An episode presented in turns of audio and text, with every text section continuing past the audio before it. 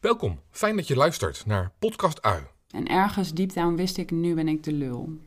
Toen ik het genomen had. Ja? Ja, ik wist, het is te lekker. Ik vond het echt heel lekker.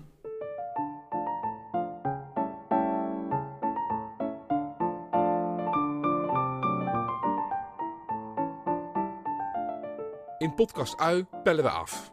Schil voor schil, soms met tranen in de ogen. Achterlatend wat niet meer dient en altijd onderweg naar de mooie kern. Wetend dat we met de snippers van die ui het hele leven op smaak kunnen brengen. We spreken met mensen die naar de hel gingen en ook weer terugkwamen met prachtige levenslessen. Omdat het grootste licht juist vaak in het donker te vinden is. Mijn gast van vandaag was 12 jaar verslaafd aan alcohol en drugs. Aan de buitenkant zou je dat misschien niet zeggen als ze door Utrecht fietst. Ze is een knappe jonge vrouw met blonde krulletjes en een stralende lach op haar gezicht. Toch had ook zij haar demonen. Net als iedereen eigenlijk. Heel graag wil ik van haar weten hoe het is om te ontbijten met wijn en te hunkeren naar een shot GHB. En natuurlijk hoe het haar lukte om een ommekeer te bereiken. Want wat was er in haar geval groter? De drang om uit de pijn weg te komen of de wens naar een leven in vrijheid? In de praktijk lukt het niet zo heel veel mensen om definitief af te kicken. Dus moet mijn gast van vandaag of heel sterk of heel bijzonder zijn. Graag stel ik aan je voor Saskia de Boer. Jouw verhaal, Saskia, gaat voor een deel over verslaving aan alcohol en drugs. Ja. Hoe lang op de dag af ben je sober? Eh, op de dag af weet ik het niet, maar ruim 3,5 jaar nu. Drie jaar, zes maanden? Ja, ik ben in, in, in januari vier jaar clean. Ja. Dus het is... Dat betekent dat je niet meer elke, elk streepje op de muur zet? Nee, helemaal niet. Is dat Nee. niet meer nodig? Was dat in het begin wel zo? Ik, eh, ik heb, ben daar nooit echt zo mee bezig geweest als streepjes en, eh, en wel mijn clean tijd vieren. Dus als ik een jaar nuchter was, heb ik gevierd. Twee jaar nuchter heb ik gevierd. Ik vind dat wel een feestje. Ja. Het is een soort extra verjaardag eh, inmiddels. Ja? Ja. Ja. Beschrijf eens het moment waarop je voor de allereerste keer een slok alcohol dronk. Dat weet ik niet eens meer.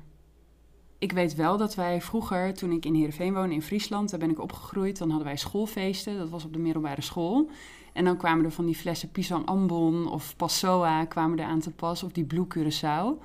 Ja, daar, de, ik weet wel dat ik daar de eerste keer behoorlijk misselijk van ben geweest. En ook behoorlijk eh, ja, tipsy, of dat was niet echt dronken, maar wel zwaar aangeschoten. Ja, maar dat was, dat was eigenlijk gewoon wat je als pubers heel vaak doet. Ja, dat doe je als puber. Niet bijzonder. Nee, Nee. nee. Kun je ons eens meenemen naar die tijd? Je woonde in Heerenveen dus. Wat Ja. voor soort meisje was je? Wel een, een speels kind. Speels? Dus ik hield wel van... eh, Bomen klimmen? Ja, dat, dat viel mee. Maar bijvoorbeeld, eh, zeg maar, op, eh, op school was ik altijd wel de hoofdrolspeelster in toneelstukken en dat soort dingen. Dus als er schooltoneel was, dan had ik eigenlijk altijd wel een prominente rol. Mhm. Dat vond ik mooi. Ik was ook wel haantje de voorste. Ik had wel een wat grote mond. Ik had altijd veel vriendjes en vriendinnetjes. Dus ik, ik was wel op zich een, eh, een populair meisje en ook wel heel onzeker. Kon je goed leren? Jawel. Ja. Ja, ik had er wel wat voor te doen.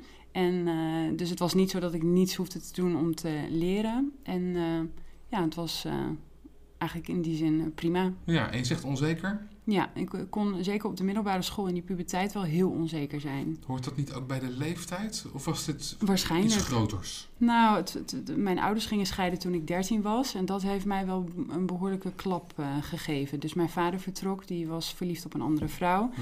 Mijn lerares Nederlands. Dus dat was wel een Hmm. behoorlijke shock. Ik had het ook niet zien aankomen.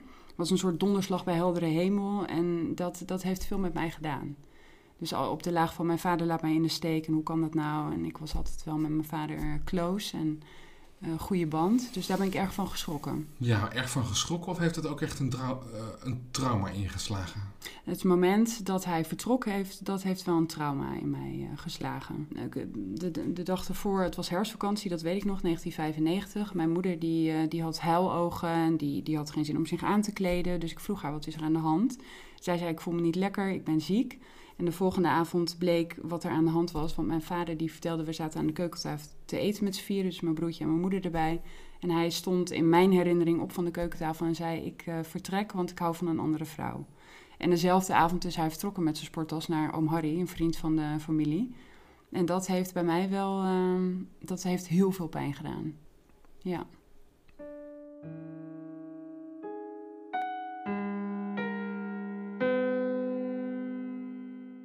Speels en populair op school, goed kunnen leren, onzeker onder de oppervlakte. En ze zoekt een hoop prikkels op.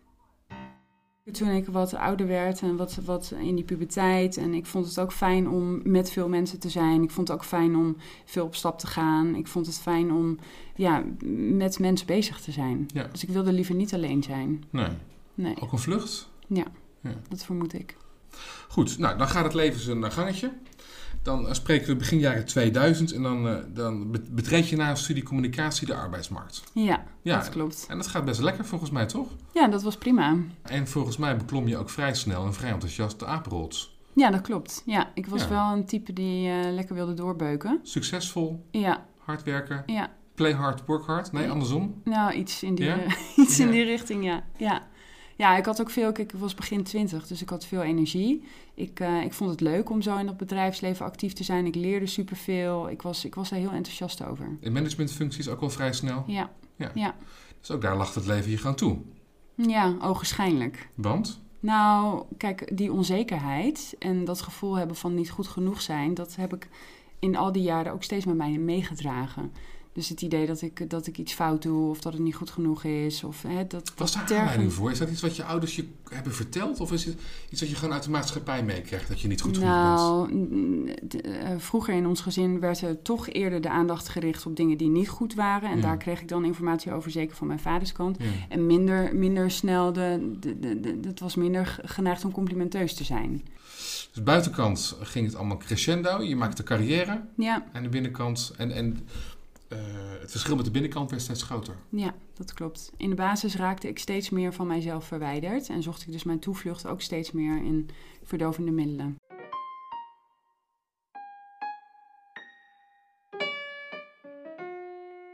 Er ging echt een hele wereld voor me open. Ik vond het fantastisch om daar ook in mee te draaien. En het was in die, in die tijd nog geen issue.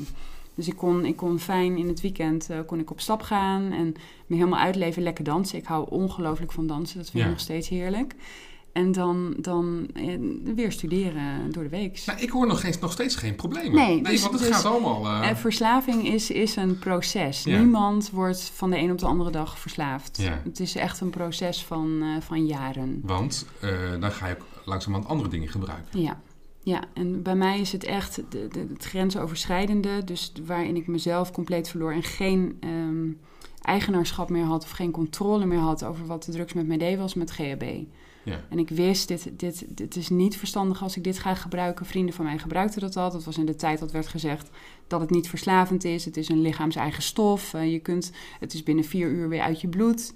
Nou, dat soort... eh, Wat doet GHB met je? Met jou? het is een roes. Dus Ja. het is even een gevoel van, oh, alle zorgen verdwijnen. En een soort van bubbel of, of bedding van...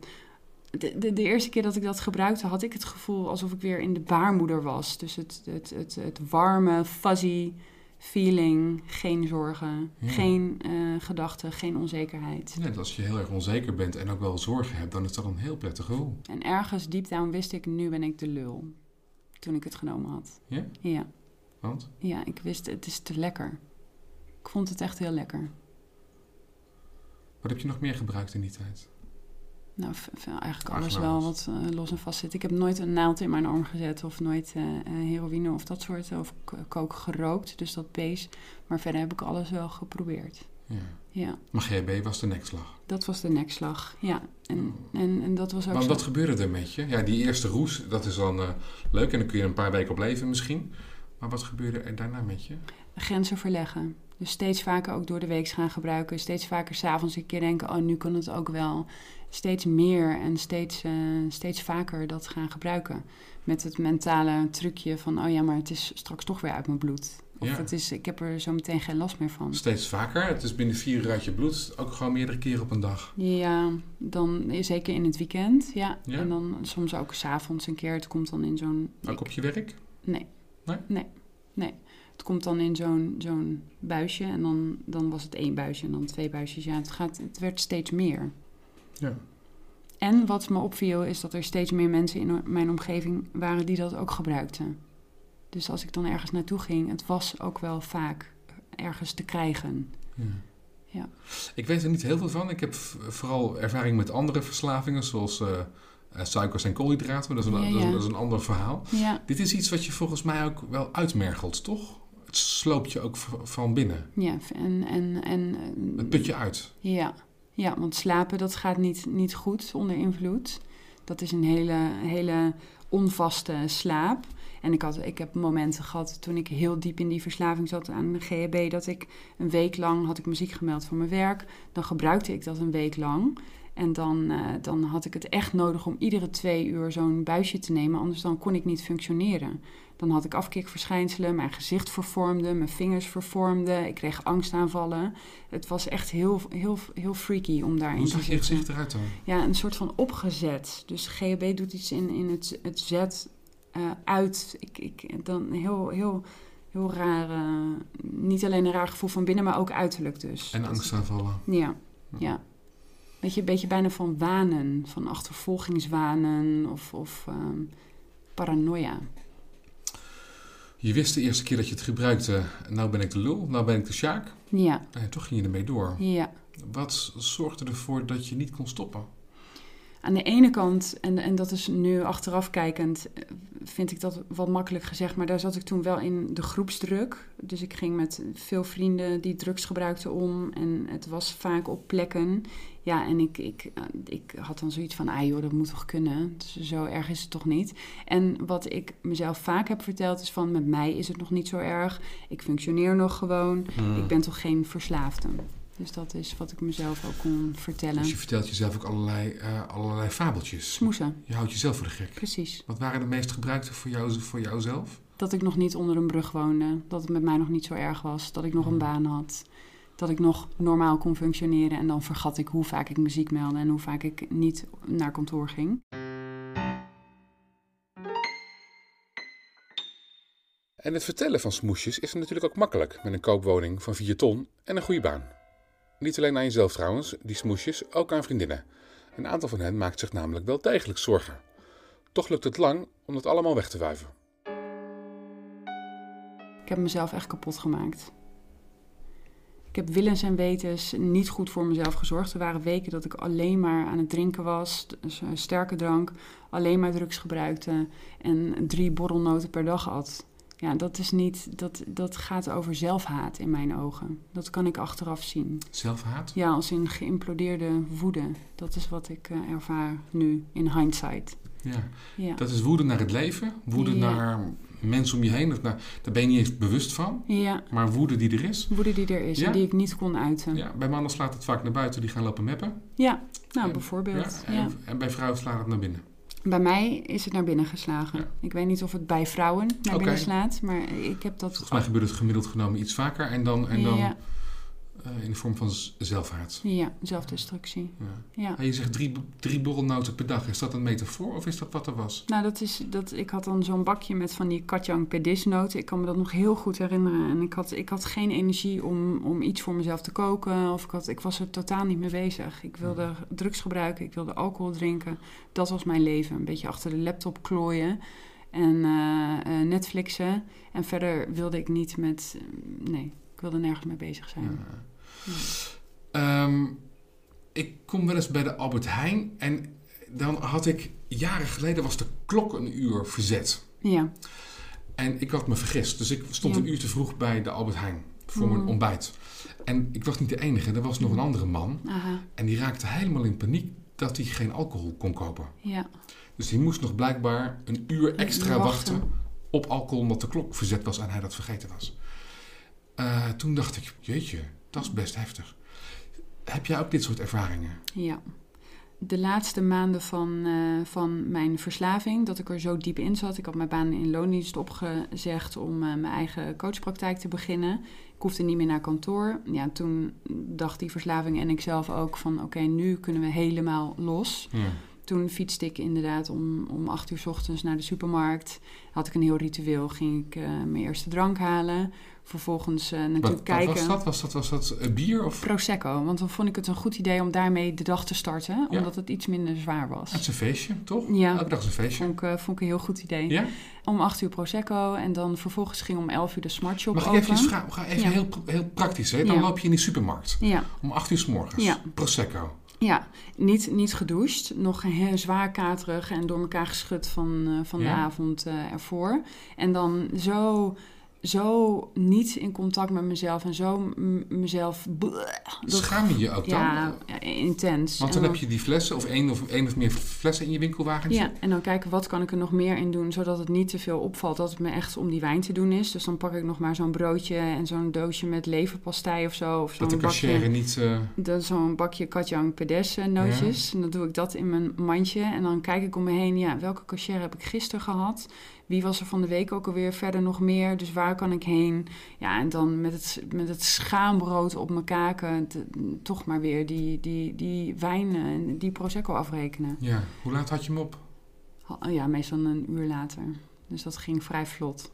En dan had ik dus te wachten totdat die smartshop, waar ik altijd eh, van die oppeppende pillen ging halen, totdat die open ging. En dat was om 11 uur. Nou, soms kwam de, degene die, die, die die winkel opende, kwam later. Ja, dan liep ik daar te drentelen door die straat heen. En echt van, oh, ik, moet mijn fix hebben, ik moet mijn fix hebben. Ja, dat Je is fix. mijn fix. Ja, Dat is dus- voelde echt als een Je lag, fix. ja, je lag in de goot en je had iets nodig om je, de- Precies. om je op te lappen. Ja, iets oppeppends. Ja, zodat ik weer dingen kon gaan doen. Dan komt er een moment waarop Saskia een daad wil stellen en verhuist naar een nieuwe omgeving. Op een nieuwe plek kun je namelijk een nieuw begin maken. Ze trekt in bij een vriend in Culemborg in de ultieme hoop dat het daar allemaal anders wordt. Maar dat blijkt niet realistisch. Ik kan wel verhuizen, maar die verslaving verhuist natuurlijk gewoon met me mee. Dus het is niet dat die ineens eh, heel, heel, heel liefdevol in Haarlem achterblijft of zo. Want dat, dat zit natuurlijk in mij. Dus? Dus die eerste week dat ik daar woonde, ging ik stiekem iedere ochtend naar de supermarkt, ging ik wijn halen. Nou, dat op een gegeven moment was ik ook zo de weg kwijt. Ik was dus boven die kamer voor mij aan het inrichten. Nou, daar heb ik geloof ik vier dagen over gedaan. De hele tijd stiekem drinken en eh, speciaal bier van hem uit de koelkast pikken. En ik had mijn hoofd gestoten, dus ik had een heel blauw oog. Ik zag eruit alsof ik in elkaar geslagen was. En toch vond ik het een goed idee om weer naar Haarlem eh, eh, te gaan om drugs te halen. Nadat ik geprobeerd had in Culemborg op klaarlichte dag om 12 uur s middags allerlei mensen met dus dat hoofd hoe ik eruit zag, allerlei mensen aan te spreken op een plein. Of ze een nummertje hadden van een kookdealer. Ja. Ja, dat Dus is. dan loop je op een doordeweekse dag om 12 uur s middags op een, op een marktplein. Ja, met een kegel. Met een, ja, en een gestoten hoofd met Ja. een blauw oog. Ja, Vragend of mensen het nummer van een dealer hebben. Ja, en de, de, de blik van die mensen, dat, dat, dat- ja, dat snijdt echt nog recht op mijn hart als ik dat, dat, als ik dat voor me zie. Minachting? Ja, minachting. Echt totale, zo van wat, wat gebeurt er met jou? En natuurlijk een kegel van de drank. Ja, meer, meer ik voel het nu ook weer zo, oh, meer schaamte kon ik niet hebben. Meer schaamte dan op dat moment kon ik echt niet, eh, niet hebben. Toch afreizen naar Haarlem, naar die dealer. Ja. Weer thuiskomen. naar thuis gebracht worden, want ik kon niet meer op mijn poten staan. En toen zei die vriend van mij, ik kwam thuis, hij zei, Saskia, wat is er met jou aan de hand? En toen brak ik. Ik kon niet anders. Ik zei, ik ben verslaafd. Het is voor het eerst dat ik het hardop uitsprak. Ik heb hier mijn, mijn book of shame. Je hebt een klein boekje bij Ja, je liggen. een klein een klein roze boekje. Ja, dat is mijn dagboekje, mijn book of shame eh, dagboek. Daar heb ik het wel eerder in opgeschreven. Ik ben verslaafd. Ik weet niet hoe ik eruit kan komen. Nu sprak ik het voor het eerst echt tegen hem. Ik sprak het uit. Was dat een op- opluchting? Dat of was was dat een- heel veel verdriet en, en, en, en schaamte in het kwadraat? Het was een ongelofelijke opluchting, want ik wist, ik, ik, ik, ik, ik kon niet meer. Ik kon niet meer. Eindeloos vaak heeft ze geprobeerd om te stoppen. In haar telefoon, vertelt ze, staan honderden foto's van een half leeg glas wijn met als innerlijke subtekst: Dit is echt de aller allerlaatste. En toch, een paar dagen later, steeds opnieuw, gaat het altijd weer mis. De echte doorbraak komt pas wanneer ze, ook weer na een hoop weerstand, uiteindelijk de Jelinek-kliniek binnenstapt. Dus toen ben ik daar naar binnen gegaan. Ja, en het voelde echt als een bevrijding. Dus er zitten mensen zoals jij en ik. Er zat iemand die 25 jaar nuchter was. Er zat iemand die 5 jaar nuchter was. En als er dan een nieuweling komt, dan gaan eerst de mensen die lang nuchter zijn over de eerste stap van het programma praten. Ja, en het voelde als thuiskomen. Mensen vertelden over eh, verstopte flessen, over eh, ervaringen van schaamte en schuld. En Ik dacht, dat is mijn verhaal. dat is mijn verhaal. Ja, het was echt fantastisch. En je lacht er nu bij. Was dat op het moment zelf ook, dat je lachte? Nee, ik zat met het zweet in mijn bil na het mijn verhaal te vertellen. Maar ik voelde me wel echt thuiskomen ergens. Bij iets thuiskomen bij lotgenoten. Dat voelde ik. En daar was ik zo dankbaar voor. En ik kreeg hoop. Hoop voor als iemand daar 25 jaar nuchter is. Dat, dat, dat wil ik ook. Als iemand daar vier jaar nuchter is, dat wil ik ook. Hier is iets dat werkt. Dat, dat idee, die opvatting had ik. Ja, op het moment dat je zo met die lotgenoten daarbij... Ik vind dat een naar woord altijd, maar goed. Dat je daar met die lotgenoten bij elkaar zit. Ja. Uh, dan krijg je hoop. Uh, ook, welke rol speelt schaamte in jouw verhaal? Een grote. Ja. Schaamte hielp mij erin. Ja. Schaamte hielp mij in die verslaving omdat ik me zo kapot schaamde en niet wist wat ik schaamde daar... voor? Schaamde voor al de dingen die ik gedaan had. Ja. Schaamde voor al de dingen die ik in mijn ogen verkeerd had gedaan. Dus al die, waren. Precies, precies. Al die momenten waarin ik de fout was ingegaan. Waarin ik belachelijk gedrag had vertoond. Waarin ik me meer, weer ziek had gemeld van mijn werk. Al die ervaringen van het verkeerd doen in mijn ogen en liegen. En... Dus dan heb je twee problemen. Je hebt en alcohol en verslaving. Ja. Eigenlijk drie. Ja. En dat. En dat wat eronder zit. Wat, eigenlijk dat diepere trauma. Ja. En de schaamte ook nog eens. Ja, de schaamte, dat hoort er eigenlijk bij. Dat, gaat over, okay. dat is de emotie die gaat over die verslaving heen, als het ware. Of die, de, voor mij is dat een soort twee-eenheid. Dus op het moment dat je daar binnenkwam en al die andere mensen zag... Ja. die net zo normaal of raar als jij zijn... en Ja. die dit ook meemaakten... Ja, fellows heet het in jargon. Oké, Ja. ik hou meer van Nederlands. Maar goed, dan, eh, dan, eh, dan, dan, eh, eh, dan valt ook die schaamte weg. Ja, Ja. dat is dus dan daar, of daar krijgt het in ieder geval een plek. Dus mensen begrijpen het. Kijk, want als ik tegen een niet-verslaafde zou zeggen van... joh, ik, ik, ik kan niet stoppen met gebruiken... dan zeggen ze, ah joh, dan, dan neem je toch gewoon eentje... en dan hou je daar dan toch op. Ja, dat is een heel andere... Dat, die, die, Ja. dat- ja. Snap ik. Ja. Zonder het 12-stappen-programma helemaal uit te gaan leggen. Hè? Want Ja. dat is iets wat daar hoort. Je hebt ook zelf innerlijk een proces doorgemaakt. Ja, Ja. ja, En jij zegt, ik heb een onverwoestbare drang om mezelf te leren kennen. ja, En je moet meteen lachen als ik het tegen je zeg. ja. Want? Ja, dat, is, dat, is, dat typeert eh, Ja. mij. Ja. En, en leg uit. ja, ik vind het zo interessant om... Ik heb heel lang met de waarom-vraag geworsteld. Waarom doe ik dit? Waarom doe ik dat? Waarom ben ik zo? Ja, dat, dat werkt niet voor mij, want daar krijg ik vaak geen antwoord op. Maar mezelf leren kennen en onderzoeken in wat maakt nou dat ik bepaald gedrag vertoon... of wat maakt nou dat ik bepaalde emoties ervaar of hoe... en mezelf daarin beter leren kennen... ja, dat is voor mij ongelooflijk waardevol. Dat geeft mij zoveel rust. Ja. Een karakter of een persoonlijkheid of een mens is natuurlijk ook zo ongelooflijk rijk geschakeerd. zeker. Met reacties op gebeurtenissen en Ervaringen. dan weer relaties. En Ja, ja, wat, je zegt eh, een drang om mezelf te leren kennen. Ja. Eh, Misschien wel in elke uithoek van je zijn. ja, Wat heb je geleerd over jezelf? veel. Wat? Heel veel. Kun je er één of twee dingen uit, eh, eh, uithalen, benoemen? Ja, wat ik vooral heb geleerd is dat, dat, dat ik, dus wat ik net ook vertelde aan jou, hè, dat er in mij een enorme boosheid was. En dat ik daar geen uiting aan kon vinden. Dat ik daardoor enorm veel onrust heb ervaren.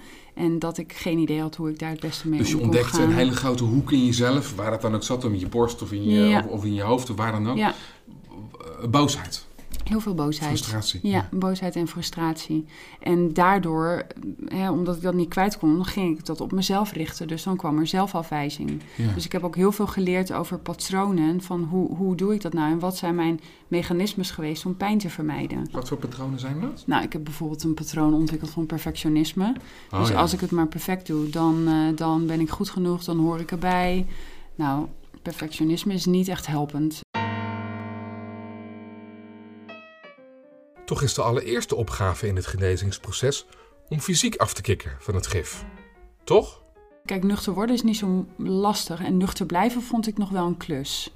Ja? Ja, vond ik wel echt een klus. Daar heb ik het eerste jaar van mijn, eh mijn clean zijn wel heel veel aandacht aan besteed. Als je in de supermarkt liep, dan was Ja, ik werd gewoon af en toe in die vakken met wijn toegezogen. Dat ik, dat ik eh, alsof ik zo'n stripfiguur was, wat dan zo vanuit de neus, dan, alsof ik daar zo naartoe ga. Ben je teruggevallen? Nee. Nee. Af en toe een kersenbonbon of... eh, Ja, daar ben ik een keer heel erg van geschrokken. Dat ik dan dat proefde, dan ging ik helemaal aan mijn dak. En dan gelijk eh, Ja, en- mensen bellen, ja, uitspugen. En nu, ik ben daar nu niet meer zo spastisch over. Maar dat is wel een klus hoor, dat nuchter blijven. Goed, maar dat, dat is nu minder. Ja, ik Ja. heb nu veel minder trek. Goed. Ja. Dus dan ga je, noem je dat ook trek? Ja, ik noem dat trek, ja. Ja? ja. Minder trek of helemaal geen trek? Soms heb ik nog wel zin in een sigaret. Maar alcohol, dat hoef ik niet meer. Dat vind ik ook stinken. Ik vind het vies als mensen rode wijn drinken. Dat vind ik echt niet te doen. En eh, sigaretten vind ik eigenlijk ook smerig. Maar dan soms denk ik, oh, weet je wel, even iets, even iets hebben. Of een slaappil of zo. weet je wel? Dan, Iets, eh, dus dan hebben we dat proces van nuchter worden en Ja. nuchter blijven. ja, Maar dan is er ook, eh, je zegt ik wil mezelf leren kennen, dus je gaat ook het proces in van bewustzijn ja, en van bewustzijnsontwikkeling. ja, En dus ook al die kanten in jezelf ontdekken en voelen ja. die vanuit het donker naar het licht willen. Mhm. De vraag eh, eh, was van, als ik naar je gekeken had, wat had ik dan gezien? Iemand die op een meditatiekussentje zit? Ja, dat is wel een, Ja? eh, het is een, een, voor mij een spirituele reis. Ja. is het, eh, en dat is het nog steeds ook. En op een yogamat. Ja? En veel in de natuur. Als je op een yogamat staat in de downward facing dog, wat leer je dan over jezelf? Eh, dat ademhaling essentieel is. Dus bij mij, ook als ik nu stress heb, of als er de, de ademhaling is bij mij een soort ankerpunt of een, een, een spirit bijna. De adem is voor mij essentieel in eh, leven en werken. En, Ja? Om weer terug te keren in het hier en nu, maar wat leert het over jezelf? eh, over dat wat er in jouzelf vanuit het donker naar het licht wilde. nou, wat ik vooral geleerd heb, is hoezeer ik in mijn hoofd kan zijn. Dus eh, geassocieerd kan zijn met al die gedachten die ik heb. En die gedachten die waren overwegend negatief nog in het begin. Hè? Dus eh, daar was de schaamte en schuld ook nog eh, zelfafwijzing. En uiteindelijk kan ik nu de switch maken, dus naar meer liefde voor mezelf. Dus ik, ik ben veel minder streng voor mezelf. Ja. Ja. Het gaat ook om jezelf onder ogen komen. Ja, In alle pijnlijke facetten die er, die er zijn. ja. Welke facetten vond je echt niet leuk om onder ogen te komen? Hmm. Ja, wel meerdere facetten zijn dat. Ja, wat ik heel, heel, heel pijnlijk vond om onder ogen te komen, is dus ook hoe ik geneigd ben om steeds maar met de ander mee te bewegen.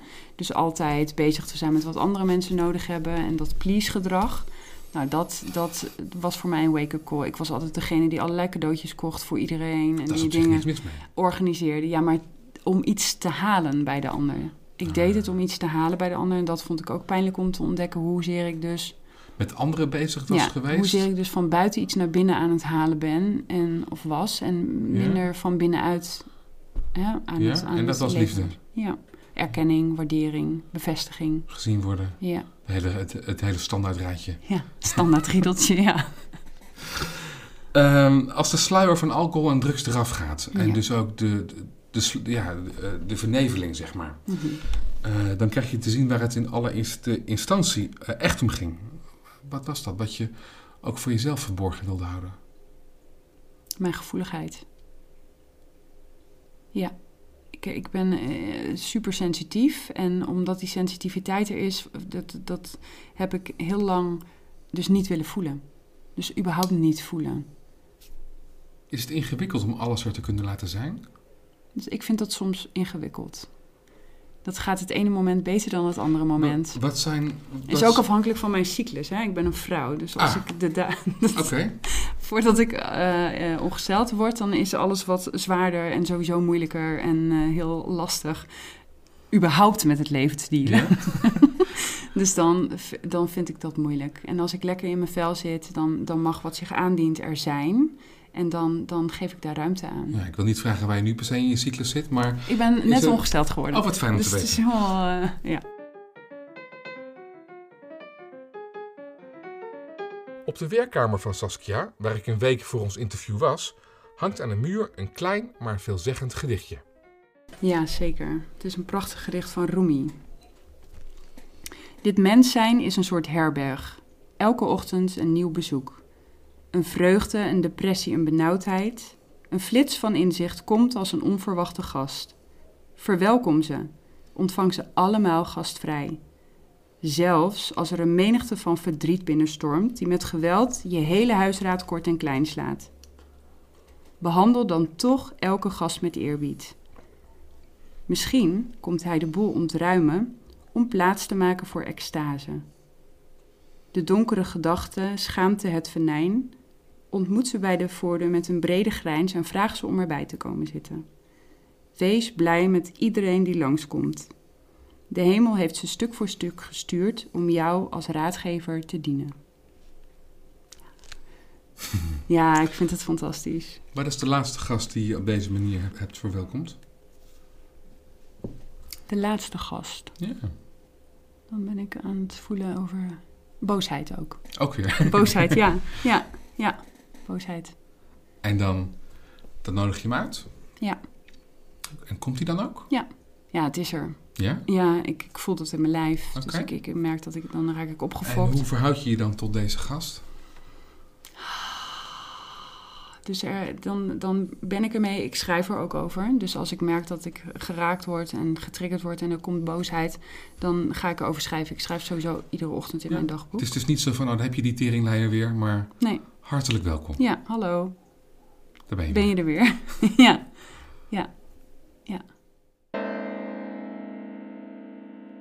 En als maar vaak genoeg alle gasten welkom geheten zijn, ontstaat er vanzelf een nieuwe balans. Nu we een paar jaar verder zijn, kunnen we dus ook evalueren wat het heeft gebracht. in eerste instantie vrijheid. Vrijheid. Ja, uit de gevangenis. Want? Ik vind, ik vind in een verslaving zijn, vind ik een, dat heb ik ervaren als een gevangenis. Ja, Wat voor soort gevangenis is dat? een gevangenis van in een patroon zitten en op iedere dag hetzelfde moeten doen en het wel anders willen, niet weten hoe en mezelf vernietigen daarin, hè, met, die, met die alcohol en drugs. Ja, dat heb ik als een gevangenis ervaren. Een gevangenis van 12 jaar, dat is een lange straf. Ja, ja. En het is niet in die twaalf jaar lang natuurlijk iedere dag het, hetzelfde geweest. Ik ben ook wel momenten nuchter geweest in de tussentijd. Maar uiteindelijk is het wel een heel be- betekenisvol stuk eh, inderdaad eh, van mijn leven. Ja. Ja. En hoe ziet vrijheid eruit? Want je bent bevrijd dus. Ja. Hoe, hoe, hoe, hoe ziet vrijheid eruit nu?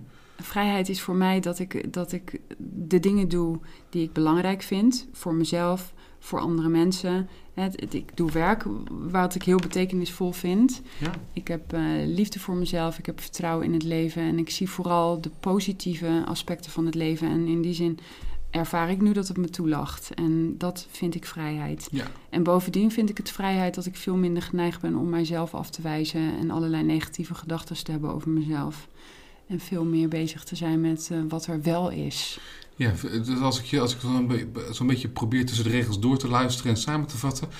eh, ook de vrijheid om keuzes te maken die goed voor jou zijn. Ja, absoluut. Ja? Ja, En misschien ook wel vrijheid in het algemeen. eh, doen wat je wil. ja, Dus als je wil Ja. wandelen, ga je wandelen. ja, En als je wil, wil werken, ga je werken. ja.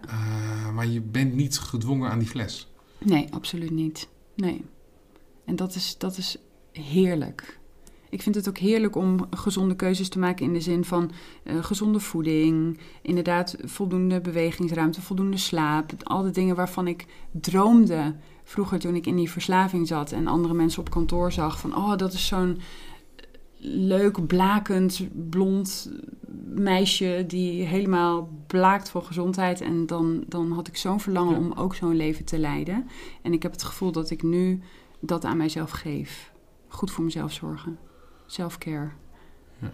Ja, Oh, Het, het, het, voelt ook zuiver dank je. uit daarin. Nee, maar ook, ook als in eh, kiezen voor zuiverheid. Ja, oh zo, Ja, ja. ja, Ja, ja. ja. Dat klopt. En dicht bij jezelf en dicht bij de bron. Ja. Ja. Want dat is er. En dat vind ik tof.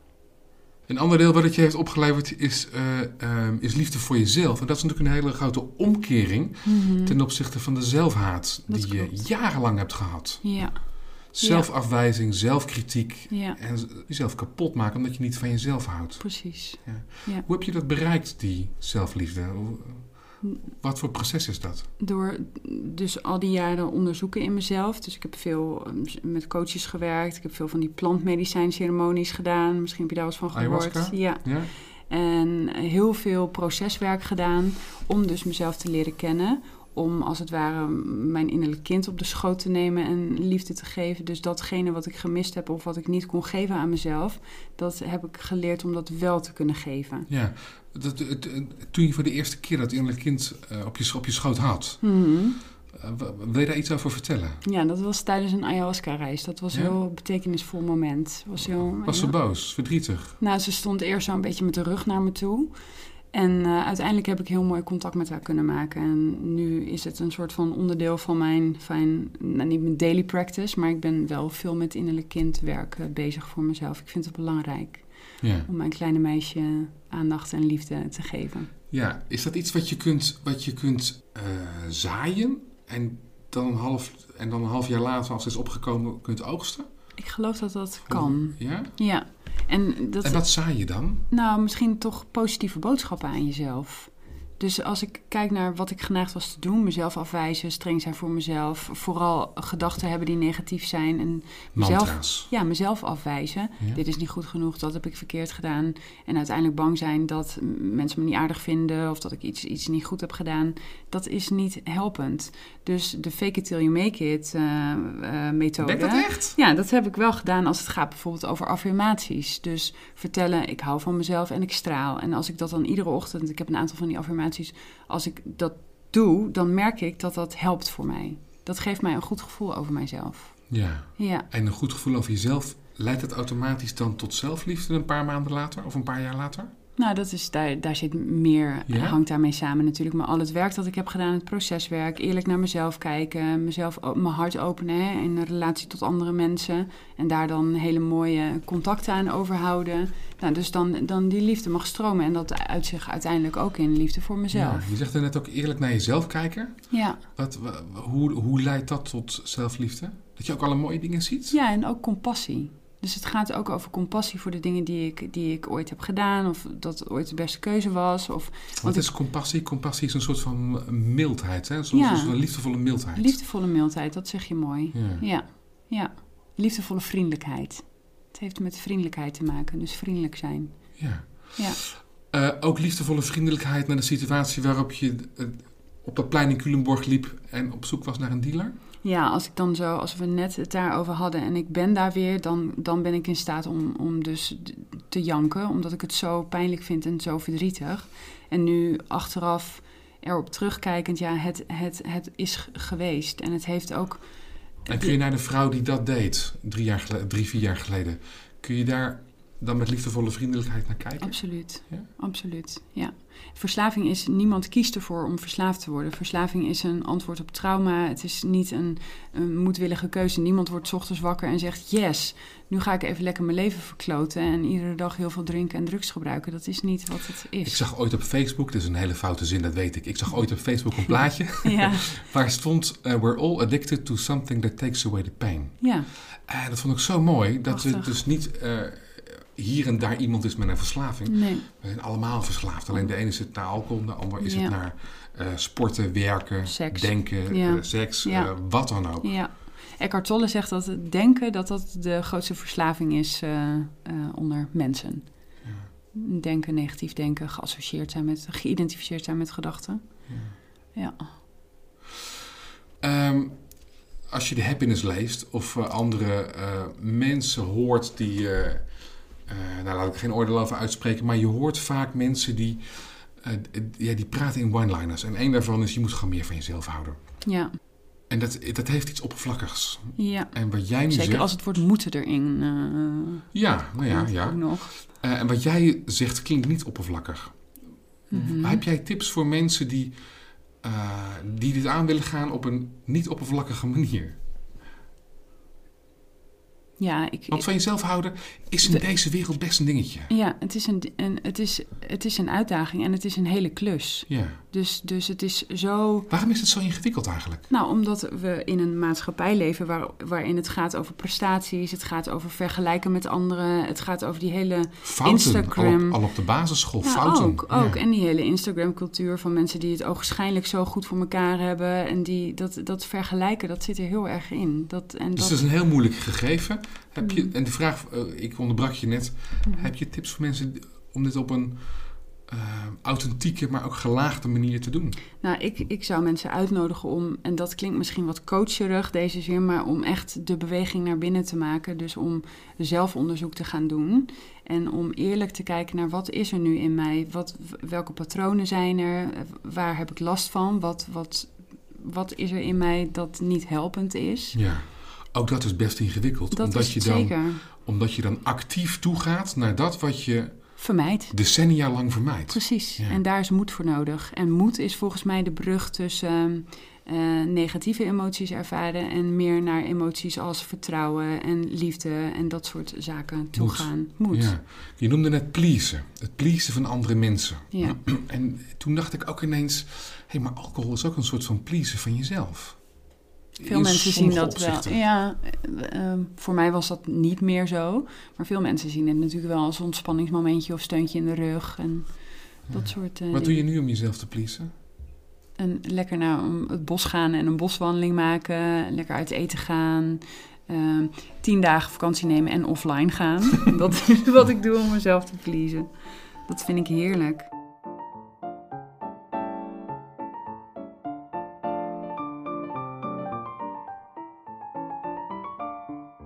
Hey, je bent hier ontzettend eh, open en eerlijk over. Ja. Eh, er zijn niet veel mensen die zo kwetsbaar eh, kunnen vertellen over zo'n schaamtevolle periode uit hun leven. Mhm. Waarom doe je dat? Dat is iets, dat is iets wat, wat, zo heb ik dat in het begin ervaren. Want dat lijkt wel iets wat groter is dan ik ben, dat mij daartoe beweegt. Het leven be- be- beweegt je daarin, maar zit er ook nog een soort van missie in?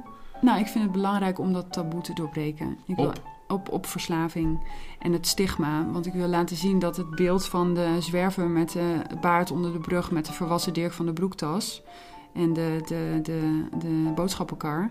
Dat, daar gaat het niet over.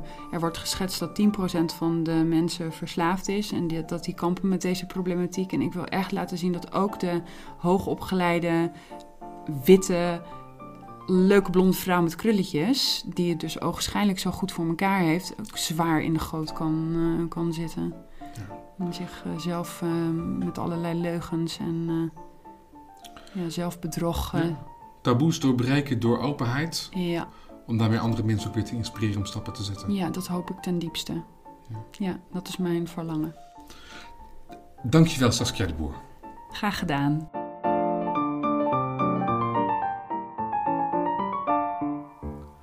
Dankjewel dat je luisterde naar de allereerste aflevering van Podcast Ui. De kop is eraf en we gaan er nog heel veel maken met mooie verhalen van bijzondere mensen. Als je meer over Saskia wil weten, kijk dan eens op helderhelen.nl. Dat is haar coachingspraktijk. En wil je meer over ons weten, surf dan naar podcastui.nl. Je vindt er wie we zijn en waarom we dit doen en ook een verantwoording van de creatieve rechten. In de aflevering van volgende week hoor je een gesprek met schrijver Bart Chabot. Hij werd vroeger het hele huis doorgeslagen en hield er een voorkeur voor de nacht aan over. En hij leerde om steeds opnieuw zichzelf uit te vinden. Als je wilt dat andere mensen deze podcast ook luisteren, stuur ze dan vooral door. Dat vinden we helemaal niet erg. Of geef ons een recensie in je favoriete podcast-app. Dat maakt ons namelijk beter vindbaar in de algoritmes. Heel fijn als je dat voor ons zou willen doen. Dankjewel. Heel graag tot volgende week.